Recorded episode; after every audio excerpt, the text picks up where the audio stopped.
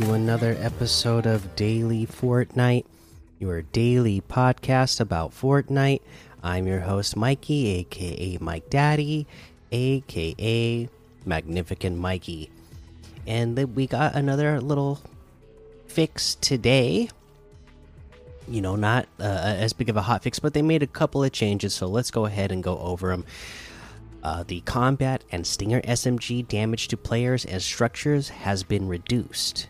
The combat SMG headshot damage reduced to match the Stinger, which is good because it was like the multiplier on the combat SMG was out of this world.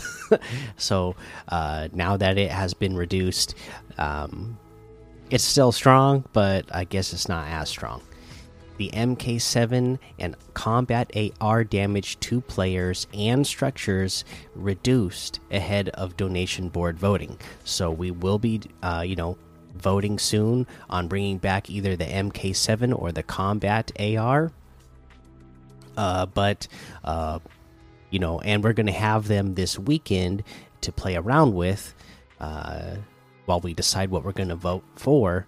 Uh, but when when they come back during that period, they will have the damage reduced on those as well. And again, if we're going forward with this Fortnite zero builds uh, for the foreseeable future, then I think that is the way to go. You're going to have to, uh, you know, in no build mode, you're going to need to have, uh, you know, give people the chance to.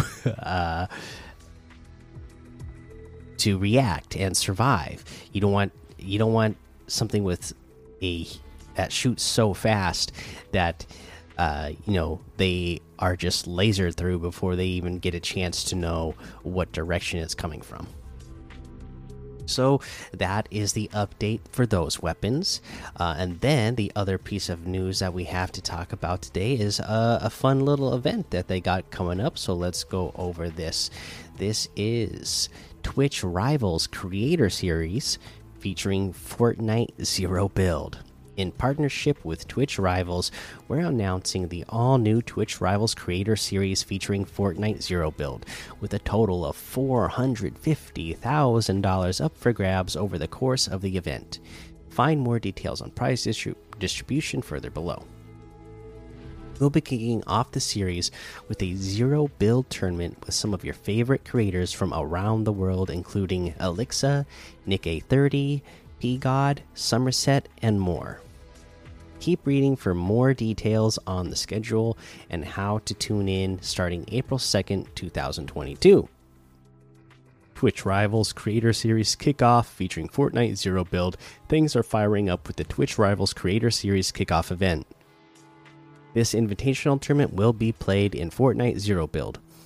Creators in North America, Europe, and Latin America can battle for a share of a $100,000 prize pool available for each region.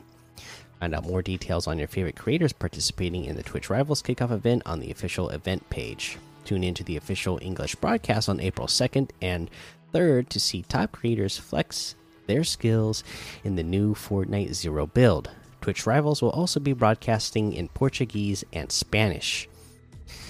Uh, and then they have a list of the dates and prizing here.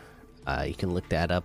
Twitch Rivals Creator Series featuring Fortnite Zero Build. After the kickoff event, participating creators in North America will have more chances to compete in the Twitch Rivals Creator Series, playing Fortnite Zero Build, Creative, and more. Some of your favorite creators will be hosting five additional tournaments through throughout April and May, with each creator having their own $10,000 prize pool and custom crafted format.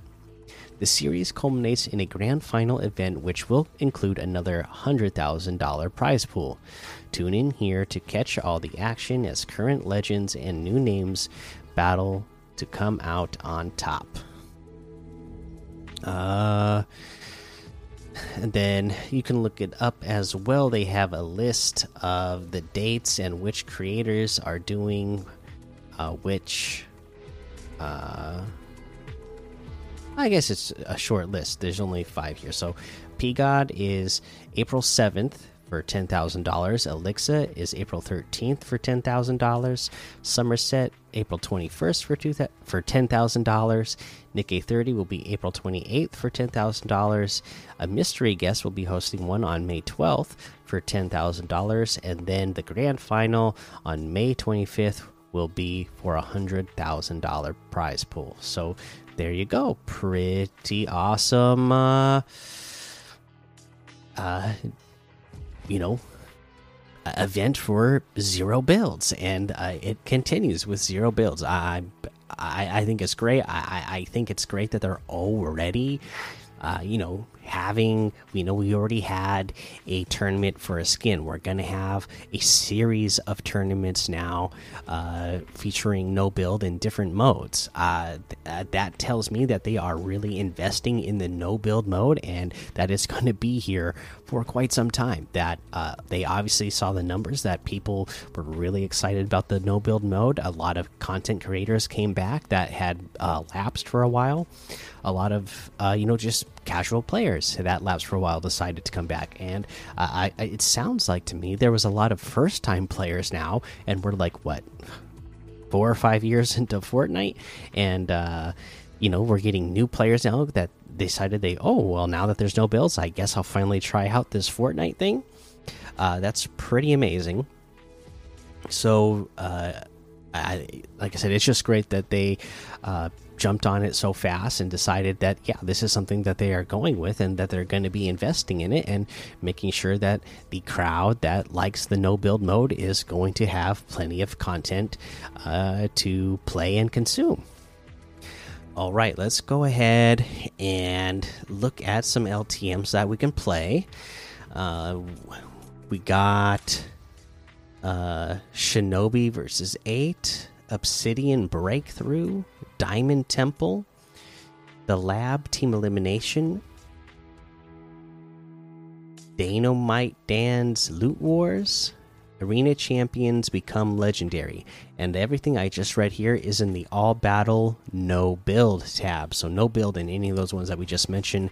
And then, of course, you know, there's still stuff that you can play like Ultimate Murder Mystery Spaceship Map, Finest Realistic, Earn Hype. Pro Red versus Blue All Mythics, Go Goaded Bed Wars, Mega Ramp 99% Impossible Race, Edit Pump Wars, Mythic Desert FFA, and of course a whole lot more to be discovered in the Discover tab. No new quests to go over at this time, but we should be getting them pretty soon. Uh, tomorrow, in fact, tomorrow morning. So we'll go over that list tomorrow when we get the new list. And uh, let's head on over to the item shop and see what it is that we have in the item shop today. Uh, we have the Chloe Kim bundle is here. The Silk Sonic bundle is here. The Slumber outfit with the Dreamer backbling is here for 1,500. The Castaway Jonesy outfit for 800. The Don't Start Now emote for 500. Punched Up emote for 200 the Mime Time emote for 500, My Idol emote for 200. Uh, we get the Birdie outfit for 800, Driver Harvesting Tool for 500, Cuddle Team Leader outfit with the Cuddle Bow backbling for 2000. Gotta love that one. Cuddle Cruiser Glider for 800, Cuddle Paw Harvesting Tool for 800, Cuddle Camo Wrap for 300, Air Force One Glider for 1500. Uh, we have our Balenciaga items here. Okay, so you can get the Balenciaga Knights, which has the Unchained Ramirez outfit, Logo Lugger back bling, Game Night outfit, and the Skate Pocket Duffel back bling all together for 1,800. That's 900 off the total. We also have the Balenciaga Unleashed, which has the Shady Doggo outfit, camo carrier back bling, the fashion banshee outfit, and the everyday sleep pack back bling. This bundle is also 900 V bucks off uh, for 1,200. I would be able to get this for 300 because I already own the fashion banshee and everyday sleep pack. So really good deal. Uh, we have the Balenciaga looks bundle, which has the look emote, Speed Sneaker Harvesting Tool, Parasail Purse Glider, Signature Look Wrap, Signature Look Midnight Wrap, and the Signature Look 24K Wrap for 1,600. That's 1,300 off the total. Uh, we can get these items separately, of course. We're going to get Unchained Ramirez with the Lego Lugger back bling for 1,500. The Game Night outfit with the Skate Pocket Duffel back bling for 1,200. Shady Doggo outfit with the Camo Carrier back bling for 1,200. The Fashion Banshee outfit with the Everyday Slate Pack back bling for 1,500. The Look emote for 400.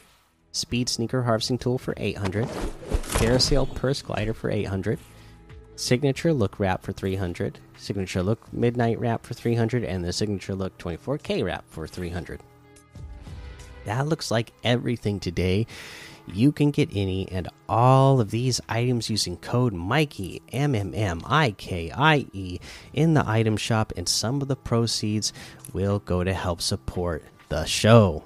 Okay, uh, let's see here.